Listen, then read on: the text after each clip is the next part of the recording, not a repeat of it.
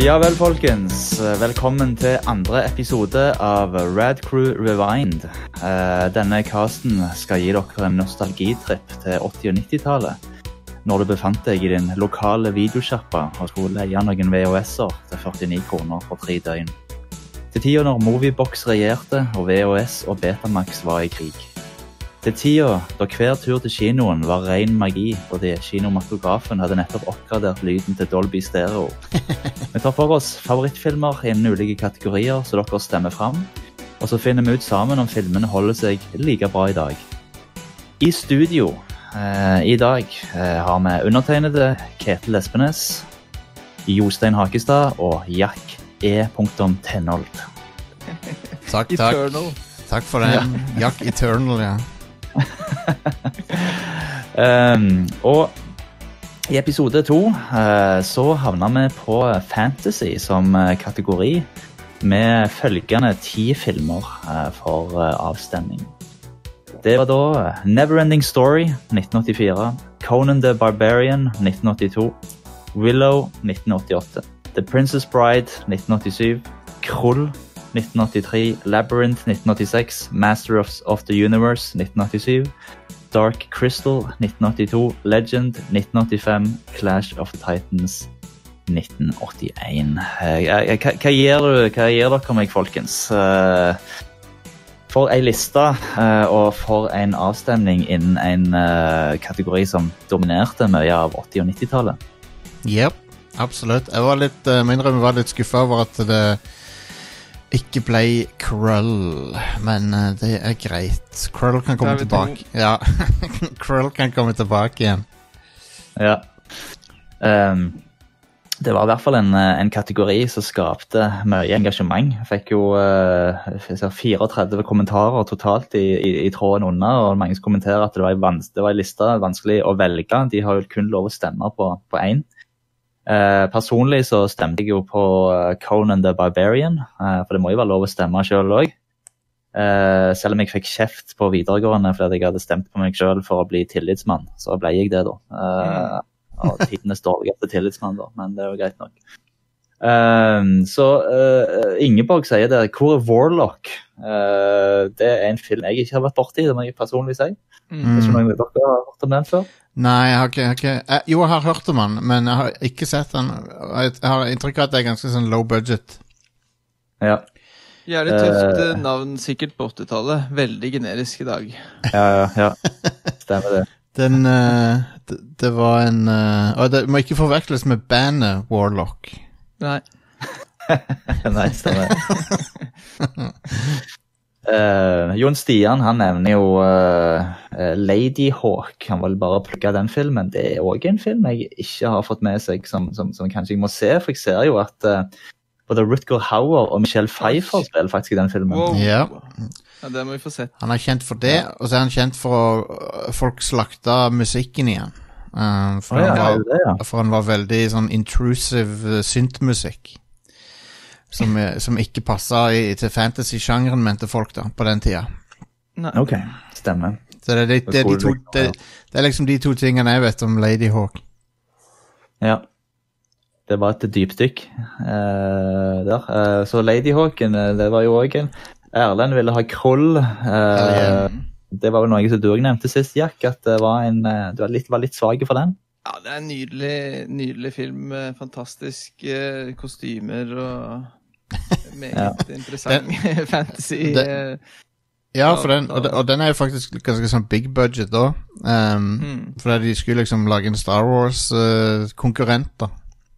Mm, ja. Ja, litt sånn sjørøveraktig. Det er noe sjørøveraktig i den, og det er veldig interessant. Det er sci-fi fantasy-blanding.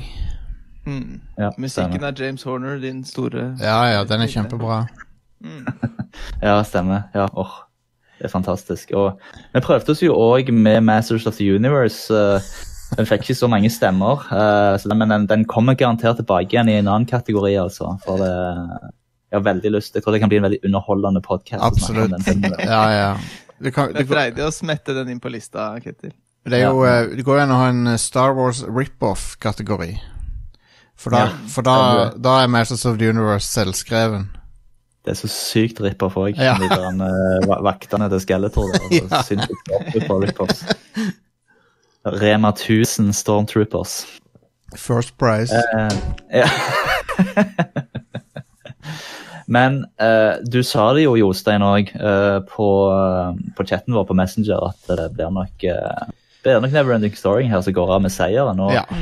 Det gjorde han jo med over 35 stemmer. eh, ganske suverent. Eh, det var jo ingen, ingen som bomba sånn sett. Eh, Colin the Barbarian på en god annenplass med, med rundt fem, eh, 25. Eh, så går det ganske godt dropp ned til tredjeplass, og Willow, eh, som dere fikk rett over ni stemmer. Mm. Så, så, um, så, så det var jo ingen stor overraskelse, men, men jeg må si jeg ble glad òg for at Neverending Story vant. For det, jeg begynte å tenke meg litt om, så er det, var det veldig, er det veldig lenge siden veldig, veldig lenge siden jeg har sett uh, hele den filmen back to back. Mm. Uh, og, og det var veldig kjekt å, å, å, å gjøre research på filmen og, og, lese om den, og, og det er jo utrolig mye det er mye Neverending Story-stoff, så du kan ta et dypdykk i hvis du vil det. for å si det sånn. Absolutt. Ehm, hva, hva er ditt uh, minne? Uh, vi kan begynne med deg, Jack. Uh, var lille Jack eh, ble han skremt i lille pyjamasen sin av å se på Falco uh, Jeg ble mer, jeg ble mer trist i, i pysjamasen av å se hesten dø. Ja, OK. Det er det som på en måte gjorde det for min del. Altså. Nei, jeg husker det som en uh, god film, en litt sånn annerledes uh, fancy film. Jeg synes et, Det var litt skummelt. Litt Mhm. voldsomt. Ja. Um, og det, det er liksom det samme. Jeg, jeg skjønner hvorfor uh, Lillejakk eh, hadde på den måten. For det var eh, Det er ganske sånn eh, Ikke brutalt, men det er sånn eh, Det med alle dokkene og alt gjør at det ser veldig sånn eh, brutalt ut, på en måte. Ja. Mm. Så jeg likte han da, og jeg ble veldig overraska at jeg likte han fortsatt, egentlig. Jeg trodde at jeg kom til å synes det var noe eh, ikke så bra, men jeg syns det var veldig, veldig bra. Så det var egentlig Mhm. spennende. Veldig bra. Ja. Ja. Så det er jo det, en av de filmene da, som du faktisk har sett eh, Ja, som barn helt også, riktig. da, En av de jeg faktisk har sett, Ja. eh, som vi skal ta oss eh, gjennom i Red Crew Rewind. Det er helt riktig. Kult. Ja. Hva med deg, eh, Jostein? Jo, jeg så han vel på video diverse ganger opp gjennom barndommen. Eh, uten at jeg husker uh, Jeg har ikke noe tydelig minne om uh, hvilken sammenheng eller noe sånt noe. Men jeg vet, jeg vet jeg så han flere ganger i oppveksten. Og Mm. Eh, jeg lurer på om en gang jeg så han, om det var på et hotell at vi leide film mens vi overnattet på et hotell, eller noe sånt. Eh, men men, men uh, det var eh, i hvert fall en film som satt i minnet. da, Altså, jeg husker, altså, Den er jo veldig minneverdig. sånn eh, Falcor er jo noe som alle husker. Mm. Mm. Mm. eh, den dragen. Og så uh, hvis du var Hvis du var uh, en, en gutt i uh, oppveksten, uh, og, og så syns du gjerne hun prinsessa var søt, liksom. Du husker hun. Mm. Um, Mm. Stemmer det. Can relate. Ja, så det, det er sånne ting. Og, og selvfølgelig hesten som dør, da. Ja. Så det, ja, ja. det, er jo en Men jeg, jeg husker også han, han steinmonsteret veldig godt fra barndommen. Ja, ja, ja. ja. Um, eh, veldig kul eh, puppetry der som uh, Veldig sånn livaktig. Så um, det, Mhm. det er kult. Men ja, så jeg husker, husker liksom Det er ting som sitter i fra 30 35 år tilbake, kanskje til og med, liksom. At jeg husker det sånn i bruddstykker. Men uh, har sett, i, i voksen alder så har jeg vel sett den tre ganger, tror jeg. Siden jeg ble, siden jeg ble 18, liksom, har jeg sikkert sett den tre ganger, tror jeg. Å ja, ok. Såpass, ja. Ja. Det typisk sånn som du fikk, fikk med deg på TV, da, eller leide du den? Jeg tror jeg, jeg, tror jeg har leid den. El, Mm. Leid den eller um, At han har vært på Netflix, kanskje. For jeg lurer på om jeg så den på, Netflix, på amerikansk Netflix, sånn i starten av Netflix. Ja. Når det, når det var lett å få tilgang til, til det. Mm. Mm. ok, men, uh, men ja, så jeg har sett den Jeg har sikkert sett den åtte-ni ganger totalt, vil jeg tippe. Ja. Mm. Da, eh, da har du nok sett den flere ganger enn meg. og jeg, eh, jeg, jeg husker veldig godt første gang Jeg husker veldig godt første gang jeg hørte jeg snakke om denne her filmen. her, og Det var, det var mange år etter den hadde kommet ut. altså Det tror jeg var slutten av 80, slutt på slutten av 80-tallet. Eh, da eh, var jeg vel jeg gikk i femte klasse eller noe sånt. Jeg var elleve år. og da skulle vi få se film. Eh, vi skulle velge en film som vi kunne få se en dag. Eh, det blir sikkert nærme seg sommerferie eller noe sånt. Mest sannsynlig. det, ja. Eh, Da har de jo ikke noe mer å snakke om på skolen. Ikke noe mer å lære vekk. Eh, så da kom de jo rullende inn med den der TV-en på den der Med movieboksen, da. Med movieboksen under. er så bra, det. Eh, og eh, jeg husker det ekstremt godt at vi satt i det klasserommet og så skulle vi eh, stemme på hvilken film vi ville se. Og det var sikkert disse to filmene de hadde da, sånn, av sånn Hollywood eh, Det var da eh, Mysterious Island av Jules Verne, Oh, eh, som ble filmatisert i 1961. Fy faen. Eh, og så var det Neverending Story, da. Ehm, og eh, ja, altså for å si det sånn. Eh, det var en ganske oppheta debatt i klassen da, husker jeg. Av, eh, var det noen da som hadde sett denne filmen før. Blant annet en, eh, en, eh, en kar i klassen en som heter Kjetil Are Torgersen. Kjetil. Shout-out til deg, Kjetil Are, hvor enn du er akkurat nå. Ehm, og han var helt gira på Vi må se Neverending Story! Han er så bra! Det var skikkelig sånn, det ble helt gale. Eh, eh, men av jeg husker jeg stemte på den Mysterious Island, da, for jeg syns den hørtes litt sånn spennende ut. Sånn streberstemme, det ikke Ja, det var det. Også, og faktisk så var det Mysterious Island som vant. Uh, og vi måtte se den filmen, og den var jo jæklig dårlig. Uh, det var liksom uh, er sånn klassetrinn var det her? det var femte klasse på barneskolen. Jeg vil se Jules. Jeg vil se Jules Verne! Jeg elsker Jules Verne! Altså, Hvis dere googler den filmen, så vil dere se blant annet en scene der det er sånn en svær krabbe eh, som angriper disse folka. Det er rett og slett bare en sånn vanlig sjøkrabbe. Så de har Forstørra opp i størrelse. ja, da, ja, jeg har sett Jeg har sett gif av dette før. Herregud. Eh, Det ser Ja. ut som de har posa ei kokt krabbe. Ja, jeg stemmer. det. Det, og så altså, er det sånn skikkelig dårlig stop motion, da. Og så det samme har de gjort med en sånn svær veps. Altså, Da er det sånn blåst opp i størrelse. og Det var, Mm. ja. Jeg husker det selv på den tida, så var det bare sånn Hva er dette her for noe, liksom?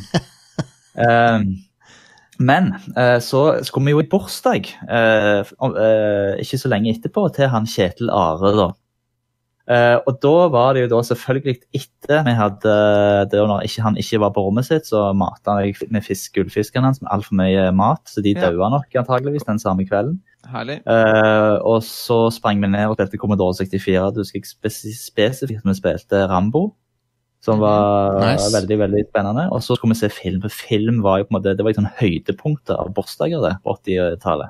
Var det? Det var jo altså, det var en greie. Eh, så da satte vi oss ned og skulle se film, og da var det Neverending Story da, som eh, ble snurra eh, på VHS-spilleren. Og jeg må si at det, jeg, jeg, jeg, jeg følte liksom at den filmen der, det var noe det var noe magisk med han på en måte. Jeg følte liksom at eh, For den der greia med liksom at han gutten, altså Bastian, da sitter og leser bok, og han blir liksom dratt inn i historien. Um, du har liksom det der på slutten òg, når hun, uh, prinsessen uh, uh, altså breaks the fourth wall og faktisk begynner å snakke til oss som ser filmen. Mm. Det var mye sånn greier. Så jeg husker etter jeg var i den bursdagen, så følte jeg meg litt sånn, sånn der awkward. Litt sånn, nesten litt sånn der virkelighetsfølelse. Så jeg husker det tok, veldig lang tid å sovne den, eh, den kvelden der. Da var det en par turer inn på soverommet til foreldrene mine og sa «Du, jeg så en sånn film, det var en sånn svær steinmann. Og det var, det var mye greier. Faen meg, gå og legg deg nå, Ketil. Herregud, det det er bare fantasi. Ja vel. Så gikk jeg i pyjamasen og prøvde å sove igjen, men klarte ikke helt å, å glemme den filmen. Og etter det, altså den gangen der, så kan jeg egentlig ikke huske å ha sett den filmen i sin helhet etterpå. Jeg har sikkert gjort det, men jeg, eh, ja, jeg husker det i hvert fall ikke. Så det var min anekdote om eh, første møte med, med Neverending Story. What is the secret of this enchanted book? What wonders are hidden within its pages? What magical spell does it cast on all who read it? What is the secret of the never ending story? But that's impossible! impossible!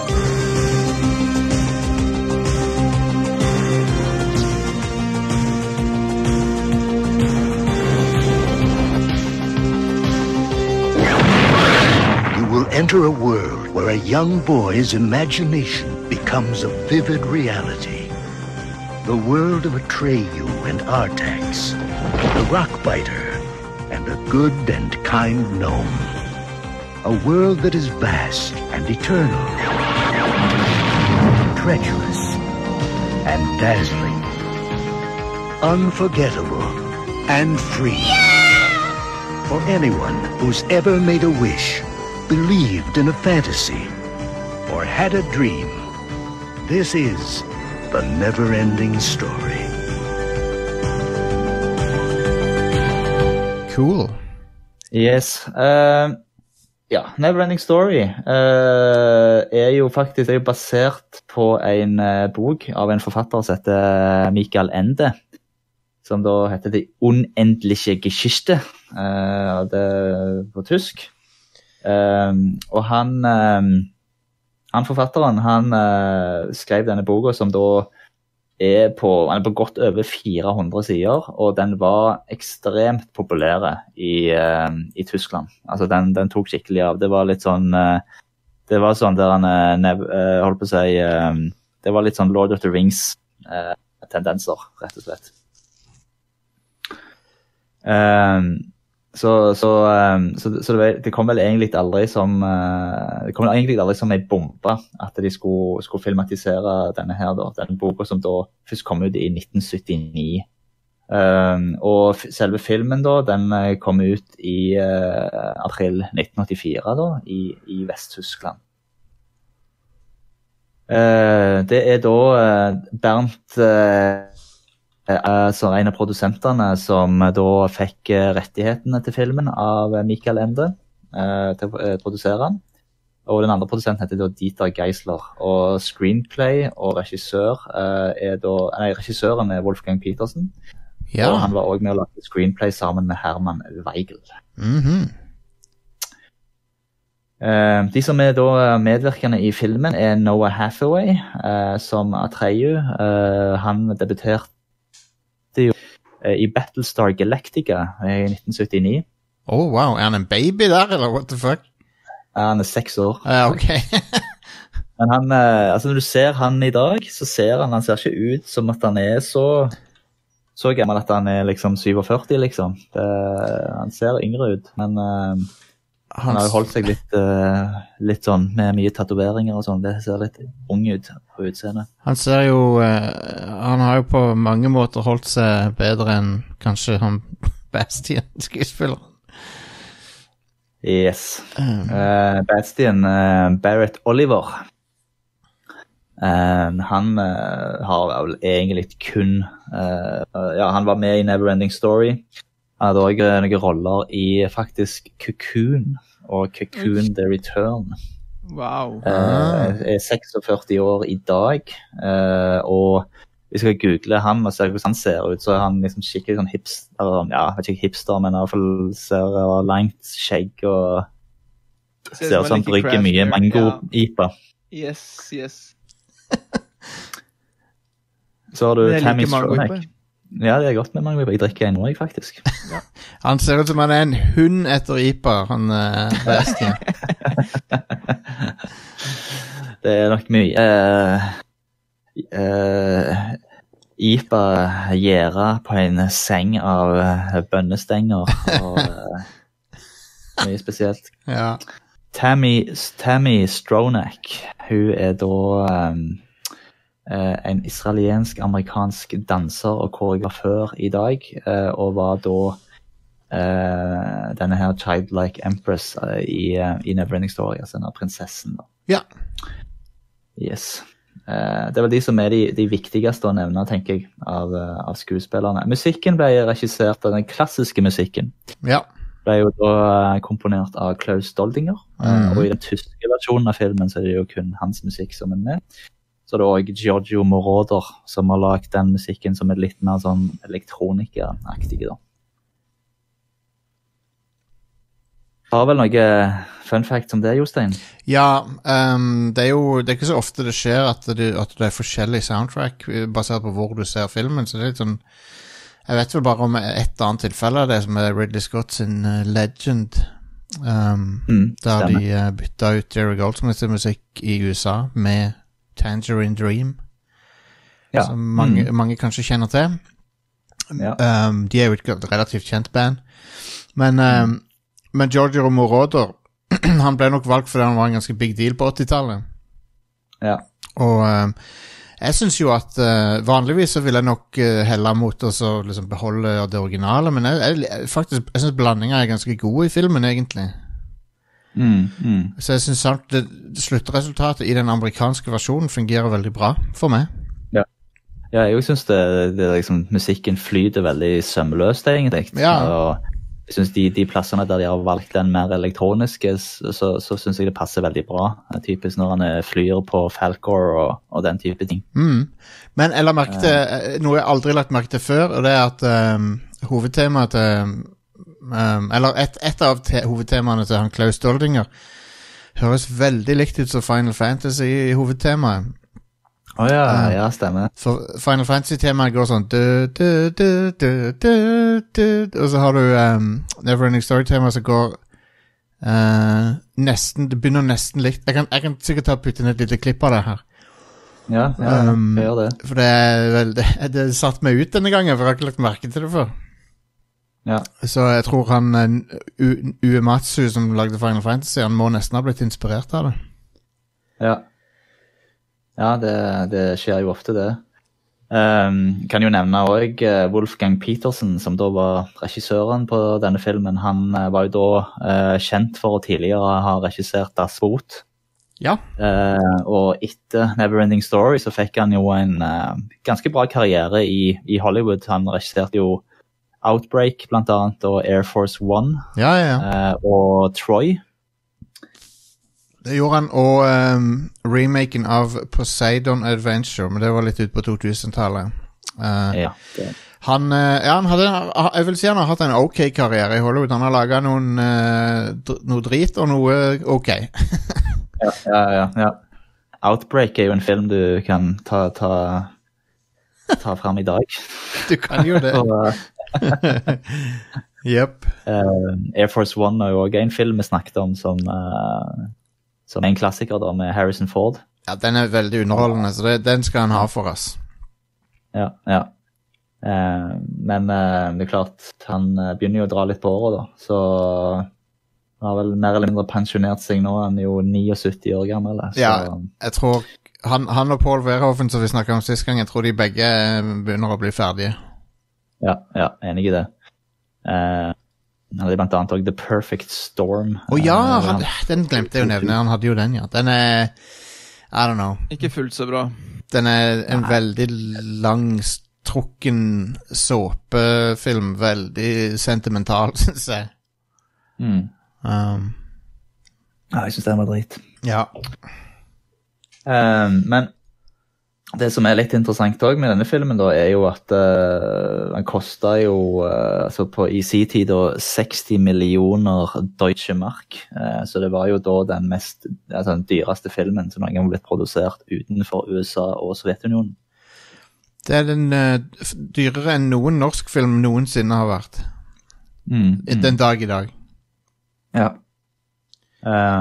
Og, og, og var jo en suksess. Han, eh, han dro jo inn over 100 millioner eh, dollar på box, of, office. Eh, og sikkert enda mer på video opp gjennom åra. Uh, fikk jo to oppfølgere. Uh, Neverending Story 2, The Next Chapter, og Neverending Story 3, Escape from Fantasia, i 1994.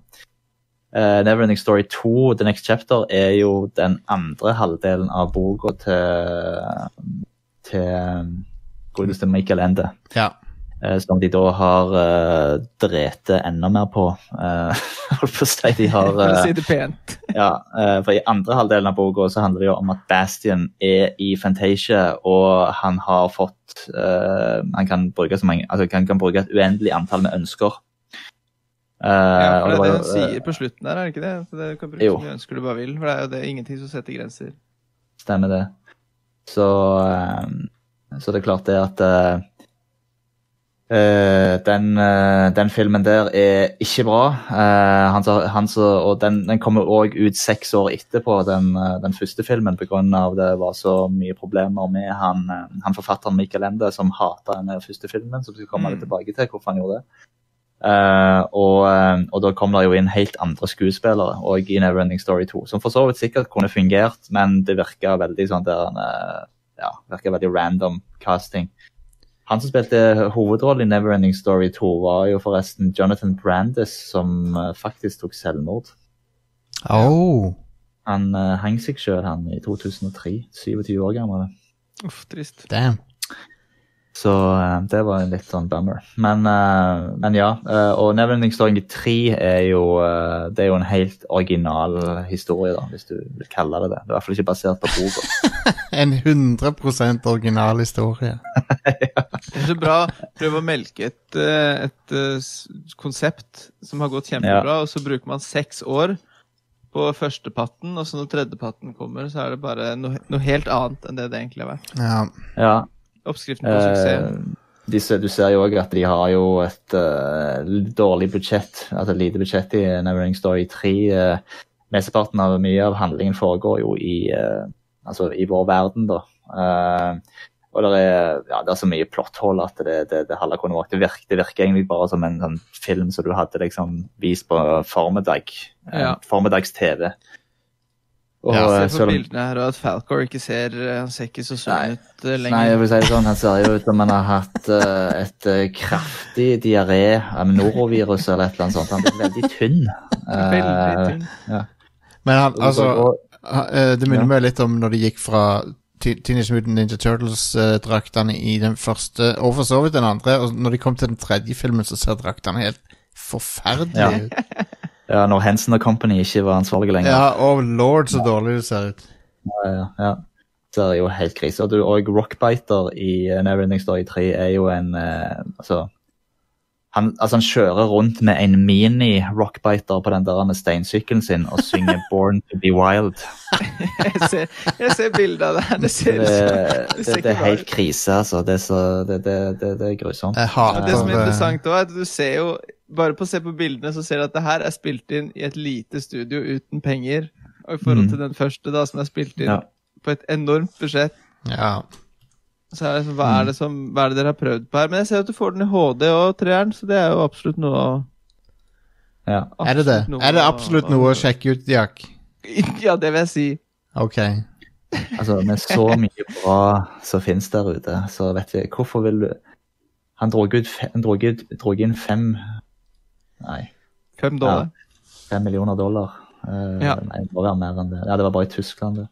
Nei, men altså, det, det, det er drit i den filmen. Det, det er bare møkk. Uh, Falco òg blir jo eh, ødelagt i den filmen. Han blir jo, altså I den første filmen så er jo han en sånn vis drage og hyggelig og koselig og liksom vis og alt det der greiene der.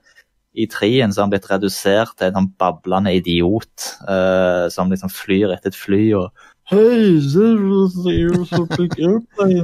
altså, det, det, er sånn, det er helt krise. Ja. Um, yes. Uh, så um, Men det var jo en som mente òg at uh, den første filmen uh, var krise. Det var jo nemlig forfatteren uh, Mikael Ende. Ja. Um, han har lagd et bråk uten like. Han prøvde jo å stoppe eh, hele filmen, hele produksjonen. En eh, film på, med et budsjett på 60 millioner mark.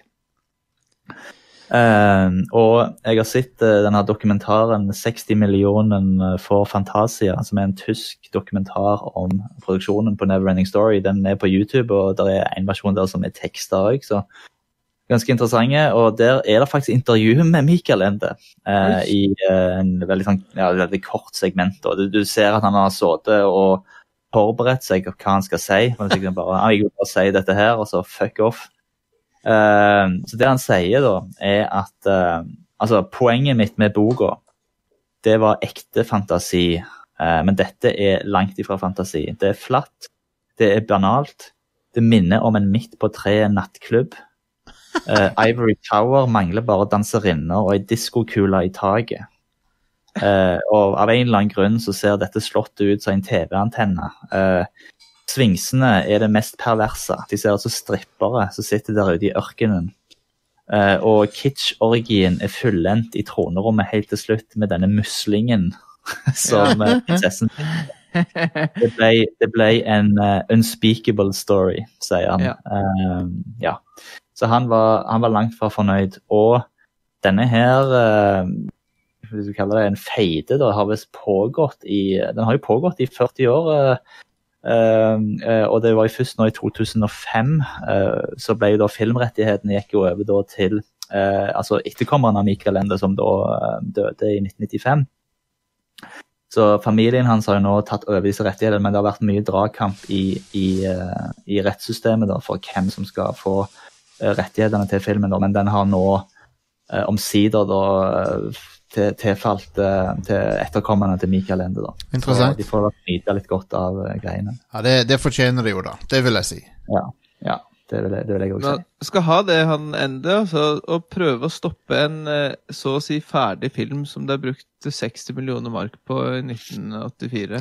Jeg kan Ja. jeg, jeg, Fordi du er misfornøyd med resultatet og det du har skrevet sjøl. Det er ganske ballsy. altså. Da er du veldig stolt av det du har skrevet sjøl.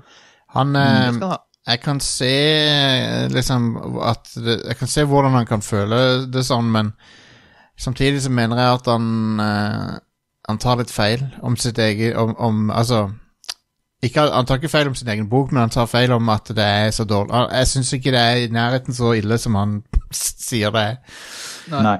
Men jeg tror vi må huske litt eh, den derre eh, Tyskland og USA-greia på 80-tallet. Det her er jo før muren faller òg, sant. Det er mye Mm, som mm. skjer der. Og han sa jo også dere har lagd en Disney-film. Ja. Mm. Som om det, altså han, uten, han sier det som en sånn negativ ting, mens de som da produserer, sier ja, det er det, det, er det vi har gjort. Og du har liksom den der, Noen vil lage en Disney-film og en blockbuster og liksom et stort produkt, mens han vil ha en sånn kunstnerisk, eh, fantastisk epos som verden ikke har sett maken til, og som skiller seg helt fra det på en måte Vesten driver med og alt annet. Så Mm, mm. kan det være noe der òg. Ja, stemmer det.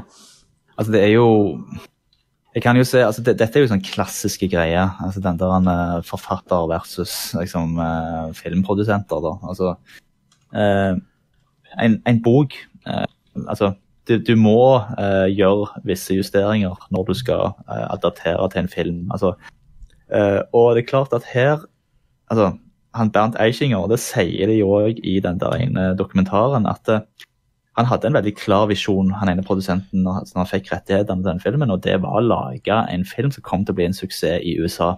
Mm. Uh, For det var den eneste måten de kommer til å så tjene penger på denne filmen. Og, Uh, og jeg så òg Det var et sånt klipp fra et produksjonsmøte, og da ser du liksom den dynamikken mellom de som er produsenter og Wolfgang Petersen, liksom eh, eh, regissøren, og, og måten de måtte modulere de ulike scenene i filmen på.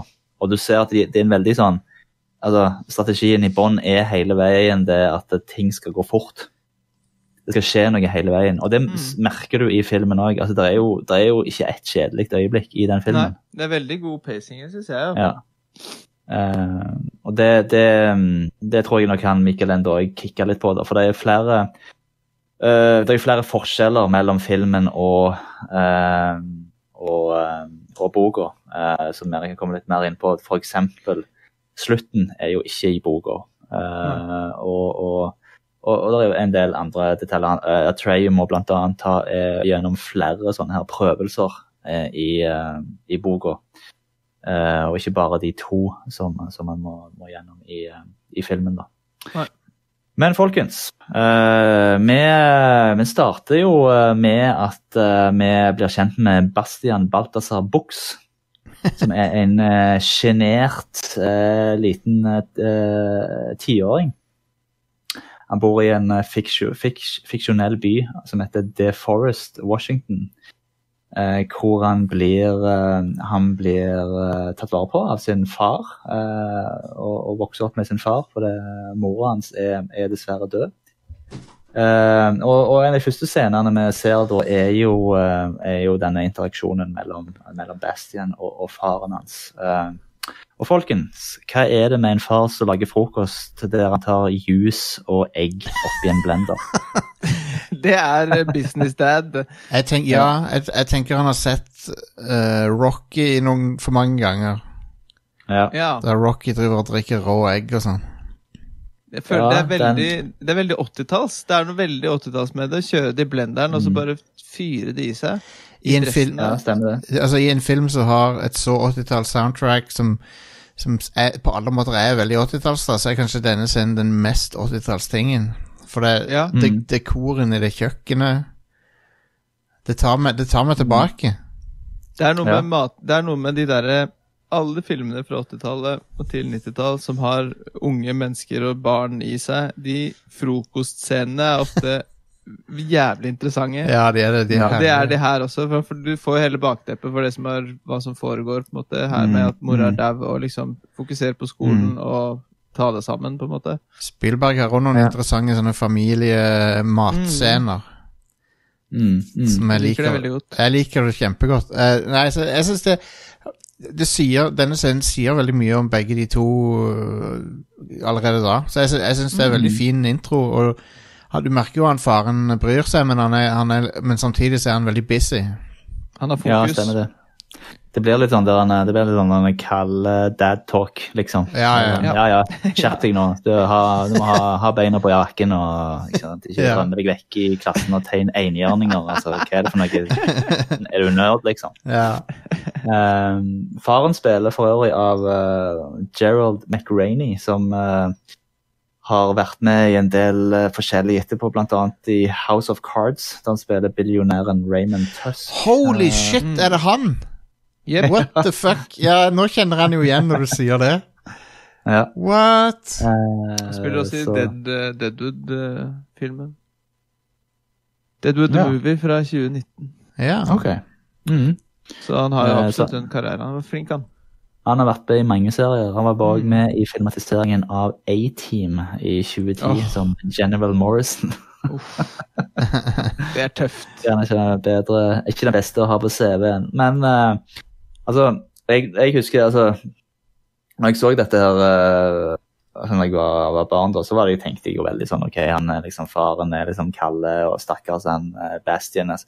Du ser jo Bastian når han står opp om morgenen òg, så han vil jo omtrent ikke gå ut av senga. Altså, Mm. han, liksom, han vil ikke møte hverdagen. eh, ting er tungt. Han er et mobbeoffer. eh, Han liksom føler alt han gjør er gale. Og, eh, og jeg liksom, går ned til frokosten, og du ser liksom han skal liksom smøre smør på denne skjeva, og han orker om- Han gidder ikke å gjøre det engang. Eh, eh, og så føler jeg også gjerne altså, Tenk litt på den der, den der scenen med den der juicen og det egget. så han liksom, han faren mikser sammen. altså og faren virker jo veldig sånn OK, nå liksom, mamma er død, vi må bare komme oss over dette her. Ja. Videre, Get over it. Eh, men selvfølgelig mener jeg at den scenen også med at han faktisk gjør det, viser at han mikser juice og egg. Uh, det er liksom litt det at uh, han bare gir F nå, altså på en måte faren. Han har bare gitt opp og uh, gidder å lage seg noe god frokost. At han bare drikker det, liksom, og så går han bare på jobb. Altså At han òg egentlig er i en slags sorgprosess. Ja, det er et godt poeng. Overfor seg sjøl eller overfor bestien, da. Mm. Og uh, det kan jeg også nevne da, så I boka så er Bastian uh, en, eh, en over, et overvektig barn i tillegg. Uh, og Ja. det er faren som er deprimert, og ikke Ja. Bastian. Eh, men uansett, eh, Bastian skal på skolen, eh, men så treffer han jo på tre, tre mobberne. eh, som han eh, ja, blir, de krever å få penger av han. eh, så Eh, det som da skjer, er jo at han eh, springer og prøver å springe vekk fra disse her. De tar han igjen, de hiver han oppi en eh, container med søppel. Eh, Så går han ut av der igjen, og så ser de han igjen. og Da prøver han å, eh, igjen å stikke av, og det han gjør da at han går og gjemmer seg eh, fra disse mobberne inn i en, en bokbutikk. Mm. Der han da uh, forstyrrer en litt sånn uh, eh, gretten eh, bokselger, eh, Carl Conrad Coriander. Eh, så eh, ser Bastian en av bøkene som han leser, og den eh, heter The Neverending Story. Og da sier han Coriander da, han eh, råd, sier at Bastian må ikke lese den boka, for denne her er dette en spesiell bok. Um, og i den neste scenen da, så ser vi Bastian han uh, stjeler boka, tar den med seg, springer av gårde. Legger igjen en lapp at han lover å skal uh, komme tilbake med den. Og han gjemmer seg på, på loftet. Eh, på skolen sin, eh, fordi han ser det at eh, de skal ha matteprøve. Så han gjemmer seg der for, for å lese boka. Og da blir vi kommet inn i en scene der vi blir tatt inn i boka, som da beskriver fantasiverden Fantasia. Som sakte, men sikkert blir slukt av en grusom kraft som heter The Nothing. Og det er noe sånn at Uh, hun som da er uh, keiserinne, eller over Fantasia, The Childlike Empress, hun har blitt syk. Uh, og så er det da den unge krigeren Atreyu som da blir for oppgaven med å finne en kur for The Childlike Empress. Og da vil ikke The Nothing lenger være en trussel. Og Atreyu får en medaljong som heter The Orin, som kan eh, guide han og beskytte han i oppdraget sitt. Uh, og med en gang når Atreyu uh, reiser ut på oppdraget, så uh, eh, eh, vil da The Nothing eh, si da til Gomork, en eh, intelligent, men eh, ond ulv, til å så drepe Atreyu. Yep. Ja. Så eh, her møter vi òg en del andre karakterer, eh, Rockbiter og diverse. Ja. De uh, Rockbiter og en, og en snegle og en uh, liten dude og ei flaggermus. Mhm, stemmer det. De henger der, og så de møtes da fordi de har, de, alle, de har alle prøvd å rømme fra The Nothing. Mm. Men de har, de har rømt fra forskjellige retninger, da, så det viser seg at The Nothing liksom kryper inn på folk fra alle retninger. Ja. Og eh, en kul introduksjon til verdenen og Atreyu og prinsessa og alt det der. Jeg syns det er en veldig fin, eh, fin intro til verdenen.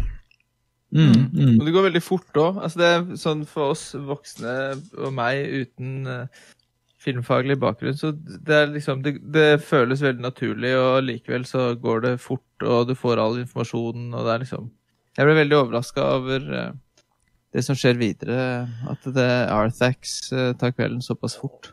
Mm. Det, det, altså alt, alt skjer, sånn som du sa i stad, Ketil, det skjer, det skjer fort. Det er Ja. liksom en sånn rask film uten at det føles hasta, på en måte. Det føles riktig. Ja, ja. Uh, og uh, mange vil gjerne òg kjenne igjen uh, han som da er han som rir på denne her denne racing snailen. Da, det er jo uh, Gurdeep Roy, altså da Ja. denne, han er Deep Roy, som han òg er kjent for, som er da en eh, ja en indisk-kenyansk skuespiller som, som har, uh, har vært med i en del filmer, blant annet er jo med i den nye filmatiseringen av Charlie and, the- Charlie and the Chocolate Factory med Johnny Depp, der han er disse her ompa-lompaene. Veldig ofte når du ser en kort person i en film, så, i en sånn fantasyfilm, så er det enten han, eller, eller så er det han uh, Warwick Davis. Ja. De er to uh, sånne uh, go to korte skuespillere. Ja, stemmer det. Og jeg tror også Deep Roy Han er i Han er i den uh, nå, nå skal jeg ikke være Jo, han er i den der HBO-komiserien Eastbound and Down. Um, og- Om uh, den feila uh, baseballspilleren Kenny Powers. den serien er hilarious, og der er Deep Roy med. Mm. Kult. du pekte på, Ketil, som jeg ikke var klar over, det var jo den eh, alle Disney- og eh, Hollywood-referansene i den første scenen i Ivory Tower. Ja, stemmer det. Hvor du ser Yoda, Mickey Mouse og alle de som står der. Det var Mm. ganske Mm. gøy. Ja, nei, det er jo en eh, Det stemmer, det. Det er jo en veldig eh, Det er jo eh, proppfullt med easter eggs i den scenen der. Du har jo uh, Ewoks, Mickey Mouse, uh, E.T.. du har C3PO. Er ikke ET der òg? E.T. E er ja, det. Ja. Eh, det er jo ET har jo en cameo i Star Wars The Phantom Menace også. Så han har to, Ja. to cameoer. ja, stemmer det. Han ligger og flyter rundt på de der uh, flytende greiene i den der Jepp, uh, gjør det. senatet. Ja. Men eh, altså det, det er jo litt sånn morsomt, da, for det liksom underbygger jo det liksom at Fantasia altså det er av alle menneskers fantasi. Uh, ikke sant? Og Ja. Det inkluderer jo de, de karakterene der. Yep. Uh, det er jo Altså ja, det, det er jo liksom et par sånne ting som legger merke til nå. da. For eksempel eh, når han der han eh, Conehead-fyren eh, som da ber Trey å reise på dette oppdraget eh, altså, Hvorfor han skal legge fra seg alle våpnene sine, den, den har jeg aldri forstått. Eh, det, det ble aldri forklart. Eh, hvorfor, det, hvorfor han måtte det. Nei, det er jo ikke logisk, det. Nei. Uh, men, men uansett, da, så uh, Han må ut på dette oppdraget da, for å gi uh, ja, eller Han skal liksom finne en kur da, til, til prinsessa. Og han har veldig lite å gå etter, da, utenom denne her Orin som han har fått seg. da. Da, så, men, men han klarer liksom Jeg vet ikke, jeg husker ikke helt hvordan han fanger opp at han må til hun her Morla, The Ancient One, uh, som da befinner seg i The Swamps of Sadness. Um, uh, og eh, det er jo der uh, vi har denne her da, traumatiserende scenen da, for, Absolutt, for veldig, veldig mange barn. Ja. Der selv om The Orin skal liksom beskytte Atreyu, så blir hans elskede hest Artax Uh, Han uh, blir da konsumert av Swamps of Sadness og gir opp uh, livet uh, generelt sett. Han syns ikke resten av sitt hesteliv er verdt å leve.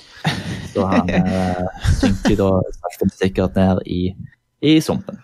En scene som for øvrig brukte var det, fire hester Ja. for å få til, og trente i en uke eller hva det var for noe, for å få de hestene til å gjøre sånn som de gjorde der. For det er ikke naturlig for hester å reagere på den måten når de på en måte skal dø og drive og røre på seg og sånn. De synker bare ned, de er helt stille og rolig. Wow. Mm. Men hesten ser veldig livete ut, så det, jeg satte meg litt inn i den scenen da jeg skjønte at det var den filmen her det blei. Det, som- Ja.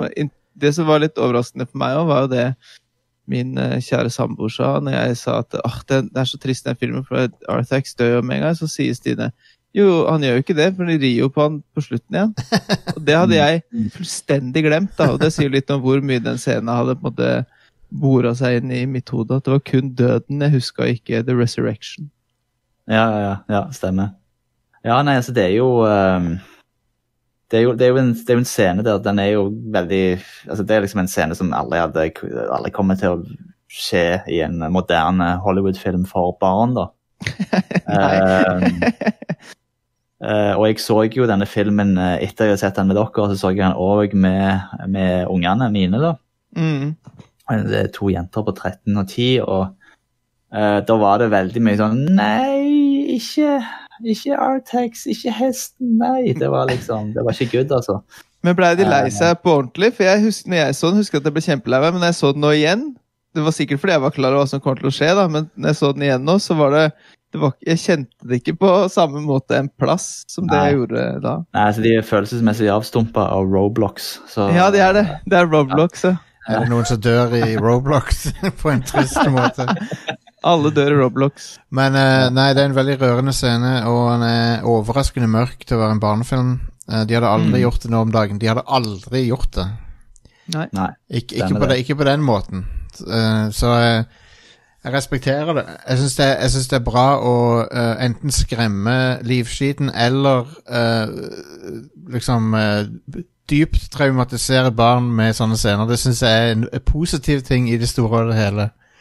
Ja. Mm, mm. For, Ja, for, for det at ja. ja, for jeg har, jeg, altså, det har kun vært positivt for meg at jeg, at jeg opplevde sånne ting. Det, for det, det, jeg vet ikke, det, det er en blanding av trist, men det er også litt fint, på en måte. Ja, ja, du, Mm. tap er jo noe som står veldig sentralt i den filmen her uansett. Så Ja, hvis du ikke tåler den hesten nå, så har du på en måte ja. Ja, for det, er jo, det er jo det som er en veldig, jeg syns er bra altså med, med, med filmer slash boka, er jo, er jo at på en måte, alle de områdene på en måte, du, du besøker i løpet av filmen òg, er på en måte det er en, eh, det er en framstilling av menneskesinnet. Ikke sant? Så sånn som du har Swamps of Sadness, det er jo depresjon. sant? Mm. Uh, og, og, og med mange som eh, har uh, hatt utfordringer med depresjon og sånn, vil jo vite at det er jo Det føles som at du, du, du synker ned i ditt eget, uh, din egen verden og greier, ikke sant? Og Mm. er veldig vanskelig å komme seg ut av det. Og og så, så det er en sterk scene, og i boka så snakket de jo He- Hess, det gjør han jo ikke i filmen, og det er jeg egentlig glad for. Ja. Uh, jeg tror faktisk det hadde tatt noe vekk ifra uh, den scenen òg. For hvis du ser, uh, hvis du ser, på, ser på hesten Mm. eh, når han synker ned, så ser du øynene på hesten. Du ser at han er livredd. Ja, de ruller på en måte på sånn ja, ja. redd Eh, hest-måte. så det, det gjør det liksom ekstra, ekstra sterkt. da. Eh, Ja. Så det var egentlig helt unødvendig at han, han hadde trengt å eh, snakke. Og så ser også- jeg syns òg Atreyu, eh, Noah Hathaway, også spiller bra i den scenen. og her ser du den måten, altså Wolfgang Petersen ser du, han, har, han fikk veldig mye kred for å være veldig flink til å jobbe med unger. Ja. Ja. Og det ser du òg i eh, denne scenen her. altså Noah Hathaway han var ti år gammel, og han var jo en sånn veldig sånn aktiv gutt, sa de på sett, og sånn som det, og likte å spøke og tulle og hadde det gøy, liksom. Eh, men du ser i scenen der, så har han de har klart å få han virkelig inn i stemningen. Og Mm. liksom, du ser han er sånn skikkelig, han er god på å coache altså metodeacting i eh, av barn òg, da. Så men eh, videre. Eh, nå så eh, ser du uh, Atreyo må bare komme seg videre alene. eh, og treffer jo på da denne her er Morla, som da viser seg å være en sånn gigantisk skilpadde som har blitt schizofren. ja. Eh, Ja. Eh, så der er det jo òg en, en, en herlig scene der uh, hun da Måla er da um, allergisk mot uh, små barn. Så driver hun og nyser hele veien, så han fyker jo av dette treet som han prøver å henge i for å få øyekontakt med henne. Og det viser seg jo da at Morla har ikke svarene som Treyu søker etter, men sier at han da Og det viser seg at Måla hun har gitt opp. Hun sier jeg har ligget her i tusenvis av år, jeg bryr meg ikke om noen ting. Eh, jeg bryr meg ikke om prinsessa dør, jeg bryr meg ikke om noe. Eh, eh, hvis jeg dør, så om det nothing tar meg, så hadde i hvert fall det vært noe. Ja, ja. Eh, så det viser jo hva liksom, det å bo i Swamps of Sadness faktisk gjør med deg da. Eh, Ja. Og hun sier da at så sier jo uh, Atreyu Han tar henne jo da. Han sier liksom at eh, jo, men hvis du ikke bryr deg om noen ting, og du sier at du vet hvordan du kan redde eh, prinsessa, hvorfor Hvorfor forteller du det ikke bare da? Så, ler hun da liksom ha-ha-ha, liksom you got me. Og så sier hun det at ja, da må du besøke The Southern Oracle, men det er 10 000 mil vekke, så bare gi opp. Um, ja, så da etterpå så ser vi en scene der Atreyu prøver å komme seg ut av uh, Swamps of Sadness, uh, og du ser at han holder på å bli konsumert av, av denne her myra, uh, men da i siste øyeblikk blir han da redda av Luck Dragon, Falcor. Um, og Falcor tar han med til et hjem der det bor to, to sånne nisser, eller gnomer, da. eh, som da er, er, er veldig morsomme. Eh, jeg syns de er ja, jeg syns de er godt eh, det, det er en, en, Jeg syns det er en, sånn- en veldig bra scene. Det er jo litt sånn som du òg nevnte Jostein da vi så filmen. Det er liksom eh, the comedic relief. Ja, ja. ja, det kunne Det jo blitt veldig bra, de to. Ja, det kunne blitt veldig teit, eh, for det er mange 80-tallsfilmer der sånne ting er veldig teit, men eh, akkurat her så syns jeg de De er morsomme, men de er ikke sånn dust, De er ikke idioter, liksom. De er, Stemmer det.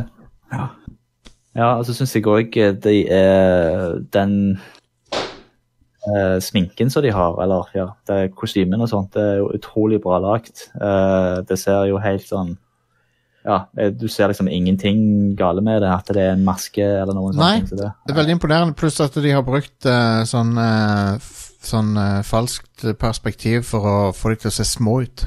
Så, Ja, og, og, det, og den effekten da er veldig overbevisende. Mm. Uh, og, og hvis vi sier eh, generelt sett om, om effektene i filmen, da, så er jo uh, De holder seg stort sett veldig bra i dag òg. de har Det at de bruker kun praktiske effekter, har jo gjort at mange av de scenene egentlig holder, seg veldig, holder seg veldig bra. Eh, gjerne spesielt åpningsscenen der med, med Rockbiter og Racing Snail og, den her, eh, og, og, det, eh, og Nattalven. Mm. Uh, og, og, mye av det. Selvfølgelig nå det bluescreen- bluescreen-scenene, de, de har De ser du kan bli litt flate nå i dag. uh, men um, ja. Ikke, det, ikke, det tar ikke ut av filmen på noen måte, syns jeg. Nei. Så, eh, så ja, eh, så da er de eh, Så da er Falcor og, og Atreyu de har jo da, Falcor har jo da vært en flink bisk. Det er faktisk da en drage og ikke en hund. Det er mange som Ja. tror det er en hund. Uh, Mye, sånn, når du googler det, så er det mye auto, sånn der auto-utfylling med dog og sånn. ja. Stemmer det. The Flying Dog in a Wedding Story. Eh, nei, for der òg, i boka, så var det jo en mer en sånn tradisjonell, vanlig eh, Lord of the Rings-drage uh, Mm. som, som Falcor var, da. Men i filmen så valgte de å gjøre han litt sånn mer sånn koselig, da, sikkert for, for, for at den skulle ha litt Og det, det har jo fungert òg, da. Han har jo liksom blitt en uh, sånn udødelig, udødelig karakter. Um, men han tar i hvert fall da, tar jo Atreyu da de 10 000 uh, milesa av gårde. Så han er rett utenfor den første porten til The Southern Oracle. Og det er jo det han her, han ene forskergnomen, da, eh, forteller. At uh, han har liksom peiling på dette her.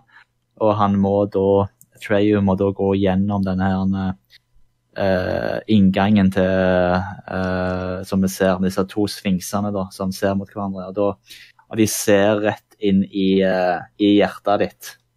Eh, så hvis du begynner å tvile på deg sjøl, så slipper de ut noen sånn laserstråler og griller deg, sånn som de gjør med den ridderen helt først. Ja, de skyter det, rett og Ja. slett. Jepp. Og den andre, andre gaten, da, The Magic Mirror Gate, da er, kommer du da til et speil uh, som viser Uh, viser da ditt sanne jeg. uh, sånn at han sier da, han økonomen at du går der, eh, så vil du da eh, Hvis du mener du er modig, så vil du gjerne se at du egentlig er en feiging. Eh, så Treyu klarer jo å komme gjennom den første, eh, og han kommer til den andre med dette speilet, og da ser han Bastion. Oh. faktisk. Og det er meta. Ja, Det er meta, ja. Og, og, og der òg er det jo eh, har det jo kommet opp en del sånn diskusjoner da, er jo da om Er Atreyu Bastion? Ja. Um, Han er jo han er jo på en måte Han det i det er jo bare det Bastian vil at han skal være. Ja. Altså, leseren av boka pro projiserer jo seg sjøl på hovedpersonen ofte. Mm. Mm. Så det er jo eh, Men det er jo veldig sånn eh, hev heavy shit for barn, liksom. Ja. for det er jo han som leser boka, som tenker at han som er hovedkarakteren i boka, Ja, ja. ser den som leser boka. ja, ja. Så det er ganske, det er ganske tøft, det Det er en kul, kul twist. Eh, og Nei, veldig filosofisk for, til å være en barnefilm. Mm. Absolutt. Det er det. Eh, Jeg tror det, det, var, det var derfor jeg som sagt jeg eh, ble eh, ekstra Det gjorde et ekstra inntrykk på meg denne filmen eh, når jeg så den eh, som barn. da. Eh, I eh, bursdagen til Kjetil Are. Hei, Kjetil Are. Håper det går bra hvor enn du er. Eh, Så, eh, så eh, han ser seg sjøl, og eh, til slutt så møter han eh, The Southern Oracle, da, og som òg er da eh, i form av disse to sfinksene, men da med en annen farge. Da er de plutselig blå. Eh, og de begynner da å fortelle hvordan han kan da redde eh, The Childlike Empress.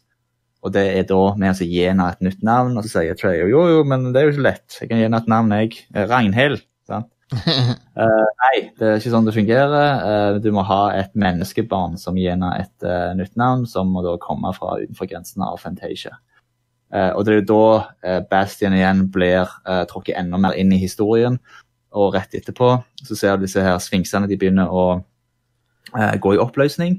Og Atreyu og Falcor, eh, Falcor de da eh, de, Falcor finner han og da flyr av gårde med han før eh, The Nothing da konsumerer hele det stedet der The Southern Oracle er. Etterpå så kommer de inn i en storm eh, etter at de flyr over The Sea of Possibilities.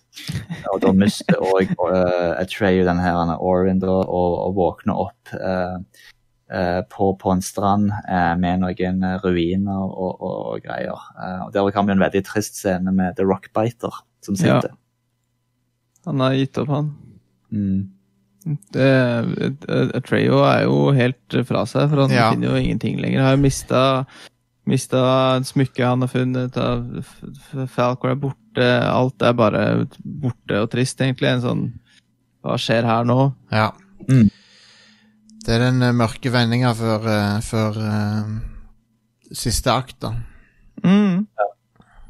Altså i, i utviklingsarken til, til Atreyu så er jo dette her på low point. Absolutt. Eh, er det. Og ja, og det er jo der en, det er en ganske trist scene der med han der han er rockbiter som sitter der og sier liksom These hands look strong, Ja. don't they? Men de kunne Eh, Fordi han der, ja, han har eh, Han prøvde å redde The Snail, Race, The Snail Racer og Nattalven og Even The Stupid Bat, men eh, de Ja. Og så avslutter han òg med å si bare sånn, igjen og gjenta These hands look strong, don't they? Uh, ja, Så han sitter egentlig bare der og venter på å bli konsumert av The Nothing. da. Det er veldig, veldig Ja, det er veldig trist, faktisk. Ja. Det er en veldig altså det er en ganske sånn, Som du òg nevnte, Jostein, tidligere, det er en veldig sånn mørk film. Ja, Trist film, egentlig. Det Det- skjer veldig mye greier. ja. ja. Uh, ja, så etterpå så kom vi inn i ruinene, uh, og da ser vi da at uh, Det er jo ikke sånn veldig sånn der er- så er det skikkelig sånn meta-øyeblikk. Det er når uh, Atreyu da ser på eh, Han ser inni på eh, I dette ruinene så ser han malinger på veggene av alt det han har opplevd fram til nå. Ja. Stemmer. Eh, eh, så, og og da, det siste han ser, da, er jo Gomork eh, som stirrer på han i, på bildet. da. Og så er det sånn, hei, det har jeg ikke opplevd. Og så snur han seg, og så bang, der har du Gomork, eh, som da ligger da klar til å ta han. Eh, ja, Kult. Han etterpå. Det er jo litt stilig at det, at det Liksom du ser alt som har skjedd, og så ser du noe som ikke har skjedd ennå, og så skjer det med en gang etterpå. Det er veldig, veldig kult. Ja, stemmer det. Uh, og han, Så- han han Gomork ser veldig bra ut. Sånn bra puppet, syns jeg. Ja. ja I den eh, scenen her òg, så er jo Altså, på grunn av at de bruker de der fysiske effektene, så er det jo eh, han eh, Noah Hathaway som spiller uh, og han mista jo faktisk eh, nesten øyet, og de kunne bare spille den scenen én gang, for han den roboten som Gmork var, var så tung. Oi! Når han fikk han over, ja, så når han fikk han over seg, så, så mista han pusten og ble slått ut. Så det er liksom Det er det Mm. taket. Wow. Eh, og det er ganske imponerende, for det funker veldig bra. Mm, stemmer det. det jeg syns det funker veldig bra, og det er jo klart det at eh, alle disse her eh, De brukte jo en italiensk flymekaniker for å lage eh, altså mekanikken inne i Falcor. altså sånn, I Falcor brukte de jo 25 mann for å styre. Mm. Og du ser òg liksom når de eh, i dokumentaren når de styrer han her, han er Gomork òg, så ser du de sitter og mimer eh, mens de liksom Og det er liksom bare tre stykker som bare styrer nesen. Så nesen er Mm. veldig bevart. Mm. Ja. Absolutt. Imponerende animatronics. Mm, stemmer det. Så uh, Og faktisk, uh, han uh, Noah Hathaway som spiller Treyu, han var jo faktisk Han ble jo skada òg før innspillingen til filmen begynte, for han ble kasta av en hest når han øvde seg på å ri. Så, så han var ikke helt i uh, storform. Det er faktisk en, en, en skade han har slitt med en del resten av livet, faktisk. Eh, og, og, og blant annet dette her, han sier jo det at det med sånn scenen når han ble liksom nyst på av denne der av treet. og Han måtte jo gjøre utrolig mye av disse stuntene sjøl Ja, ja. som tiår. Så, eh, men, men uansett, da. Uh, Treyu sier at eh, hei, jeg er Treyu, kom og drep meg. Uh, eller prøv å drepe meg. Og du ser liksom, da er han in the moment. Han eh, plukker opp en stein fra bakken. Gomork hopper på han, eh, og han eh, klarer da å ta knekken på han. Eh, rett etterpå kommer The Nothing og konsumerer hele denne ruinene og resten av Fantasia, egentlig. Og Falcor uh, han, uh, I mellomtida har Falcor vært uh, i sjøen, under, sjø, under sjøen og, og funnet denne Auron og kommer tilbake igjen og klarer å redde Atreyu. da. Så, og den neste scenen da, så ser vi jo da at uh, de bare flyr ut i egentlig i uh, the emptiness of space. Uh, yep. For da er hele Fantasia ødelagt. Det er konsumert av The Nothing. Det er bare sånne små asteroider igjen. Ja, Og det. er jo et dramatisk syn, men så så, så da har du liksom Da får du inntrykk av at det er for seint til å redde verdenen. Mm. Og han Gomork òg forteller jo Atreyu ganske mye før han blir drept, da, om uh, hvorfor han har hjulpet The Nothing. Uh, det er fordi, eh, altså, og hvorfor The Nothing egentlig eh, eksisterer, er jo fordi at eh, det er pga. at mennesker slutter, har slutta å fantasere. Mm. Fordi at de har slutta å lese bøker. Det var mye av det som var på en måte eh, budskapet til han Michael Ende. da. Så, eh, så neste så finner de jo faktisk eh, slottet. Eh, og eh, prinsessa, eh, Childlike Empress, da, hun er fortsatt i live. Og Atreyu kommer inn der i tronerommet, og der vi se for første gang. Og eh, hun sier da at eh, du måtte liksom reise ut på dette eventyret. Det var den eneste måten liksom, du kunne, kunne finne ut av at jeg trengte å få et navn fra et menneskebarn. Eh, og, eh, og der begynner hun da å henvende seg direkte til Bastian, som da leser boka, eh, om at du må gi meg et navn. Og til og med så sier hun at det er ikke bare du som har vært med på denne her historien, det er òg noen som følger med på deg. Og da refererer jeg jo til oss. og da She breaks the fourth wall, ikke sant? Ja. Uh, det, det er jo litt eh, kult. Da ser hun jo rett inn i kameraet òg når, når hun sier det. Ja, det er veldig stilig. Um, Mm. Nok en Overraskende eh, så tar det meg ikke ut av den historien, altså. Jeg var litt sånn skeptisk, men det gikk veldig greit. Nok en, eh, nok en mindfuck for barn som ser denne filmen. Mm. Stemmer det. så, eh, så ja, men, men eh, eh, og, i, og i denne scenen her så ser vi da at Bastian omsider, etter litt om og men, eh, han innser jo at han er nå en ekstremt viktig del av denne historien. eh, og, og, og, og, og åpner opp vinduet oppe det der loftet som han er på, og skriker ut eh, navnet som eh, hun skal få. Det. Og det, mange mener jo det at det er jo det navnet til mora hans. Eh, men eh, han skriker jo ut 'Moonchild'. Eh, Ja. Det var jo faktisk ikke teksta på den versjonen som vi så. Og det har ofte ikke vært teksta, så jeg ser det er veldig mange som spør hva er det egentlig han skriker. For de, Mhm. de refererer ikke noe til det etterpå. Eh, Nei. jeg syns det var litt spesielt navn, da. Ja, jeg Ja, det er ikke. det. Hva er det det refererer til? Veldig rart navn. Jeg, jeg, jeg har ikke noen analyse av det. Nei, det, det vet jeg ikke. Jeg sliter med den. Jeg har ikke funnet så mye info om det heller. Altså, det kan jo være at Moonchild liksom var liksom, Det er kosenavnet til mora. Altså, altså, Det kan hende. Ja, eller om det er noe at uh, hun sitter og ser ned fra himmelen, eller gud veit. Ja. Og det er jo en, det er jo en, eh, et band. ja. Ja.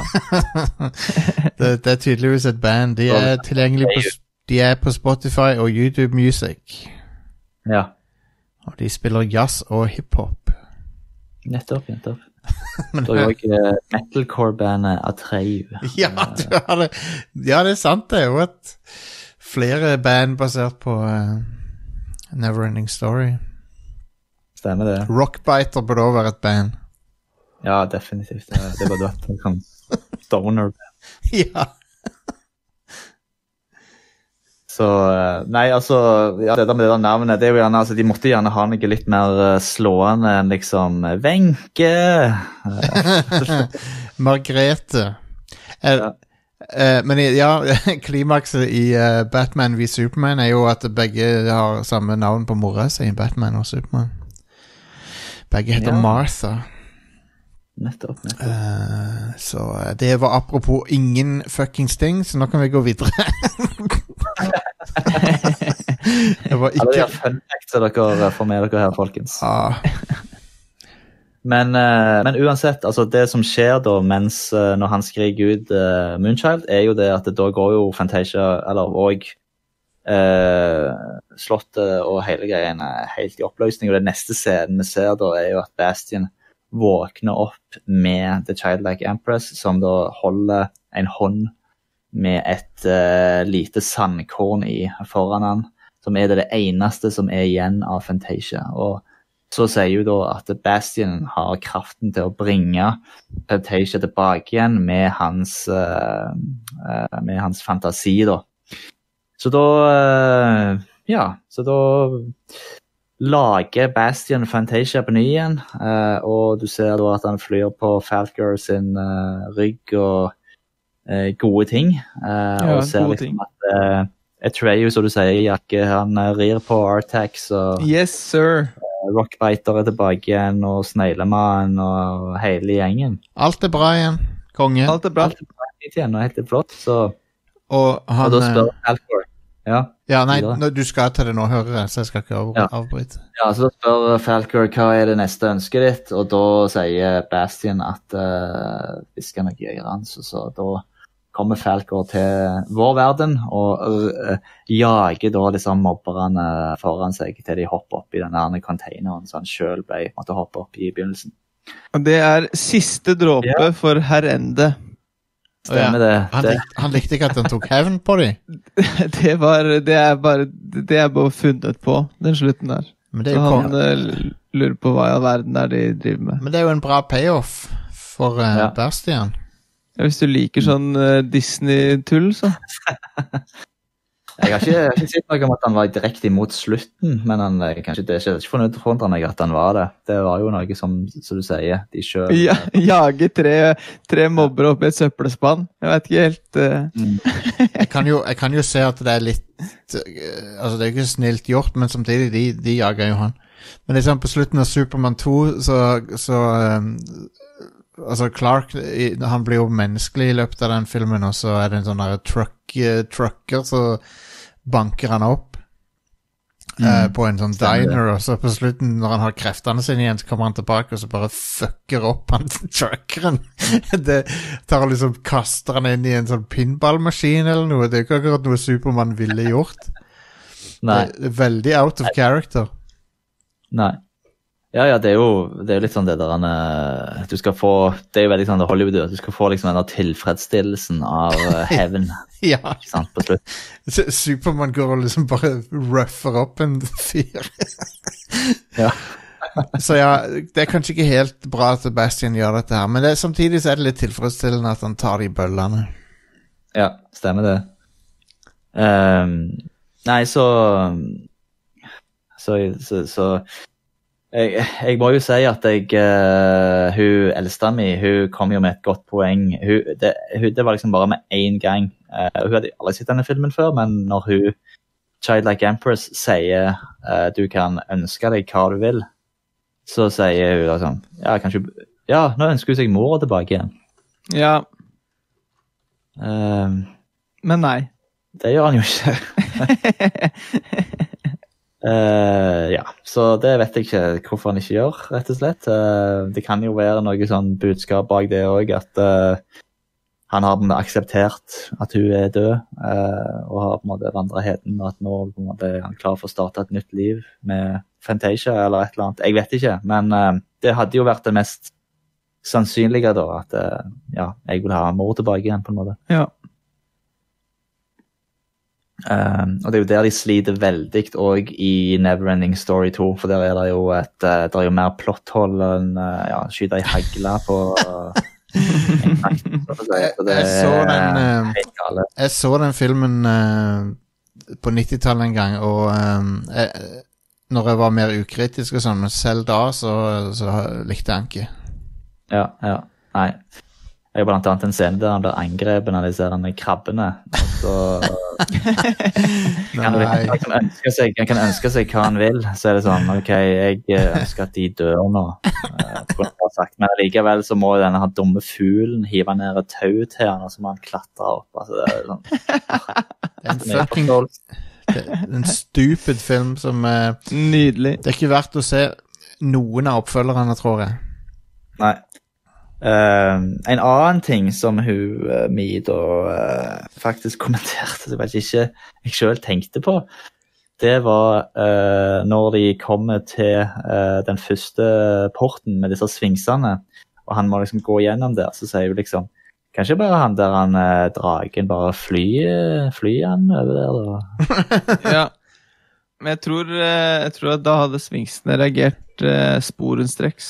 Ja. Du tror svingsene de har litt sånn anti-aircraft Uh, Jeg tror det. Det er noen Sam, Patriot ja. missiles eh, der. Sam, Ja. Sam Ja. Sight uh, under bakken der, så bare Stemmer Nei, det. Jeg tror ikke det hadde funka, gitt. Uh, men godt, godt tenkt. Ja, ja. Eh, sant. Det, det hadde nok vært, hadde nok vært litt, litt for enkelt, det. Det var det de snakket om og snakket om også da med Lord of the Rings, at uh, hvorfor ble ikke bare flydd uh, disse ørene Ja, ørene ja, hele veien. Mordor. Uh, Get it done. Yes, stemmer det. Get it done. Nei, så så, så, så rent sånn uh, oppsummer, Hvis jeg skal oppsummere eh, filmen, da, så, så, så var det Det var for meg et uh, veldig, veldig kjekt gjensyn. Det var uh, og, og jeg syns òg at det at han uh, Han varer jo ikke sånn altfor lenge. Han varer vel i rett under halvannen time eller noe sånt. Ja, 90 minutter. Ja, og det syns jeg, det synes jeg er helt perfekt. det er en perfekt lengde på en film. Ja. Uh, nå er det jo litt sånn at uh, den tyske versjonen tror jeg varer syv minutter lenger, eller noe sånt, og de har gjort noe, tatt noen scener der som de har trukket litt mer ut. Uh, så den, den, den har jeg riktignok ikke sett. Uh, men uh, det som er litt morsomt, da, var jo at faktisk han godeste Wolfgang Petersen, altså han godeste Raymond i Community, han pekte jo på at det fantes to forskjellige versjoner. og Når jeg da sikter på det, så viste det jo at Spielberg var jo en rådgiver her. Og hjalp han jo med å å kutte filmen til liksom Hollywood, eh, på en måte. ja. Så, eh, så han har jo faktisk hatt eh, hendene sine borti denne filmen, da, så det synes jeg var litt tøft. ja, interessant. Spielberg har jo hatt fingrene sine i eh, uhorvelig mye rart. Så han Ja. har jo vært sånn executive men, men han er ikke kreditert her ennå, jeg tror ikke det. Nei, ikke så vidt så jeg uh, har sett, så er han ikke det. Nei. Men det er klart, han var jo en big deal, og er en big deal, så mange sikkert som vil ha Mm. hans sine råd. Ja, stemmer det. Så eh, ja. Skal vi Så eh, eh, sist gang, eh, så nå er det jo sånn at på slutten av, en, av episoden så gir vi jo eh, filmen et antall laserdisker. Å, ja, ja, ja. Fra 0 til 5. Eh, og eh, jeg syns at eh, denne filmen holder seg veldig bra i dag. Det er en uh, magisk film. Uh, det er en god, god historie med bra pacing. Jeg syns effektene holder seg veldig bra. Jeg syns han har et positivt budskap. Og er generelt sett en veldig bra, veldig bra underholdning.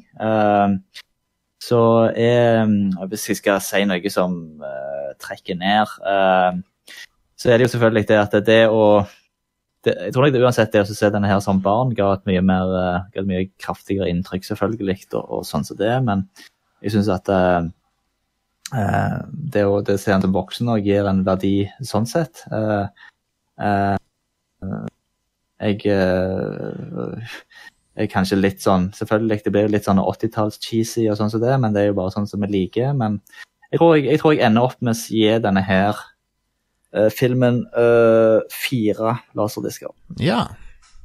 Det er bra. Bra score. Mm.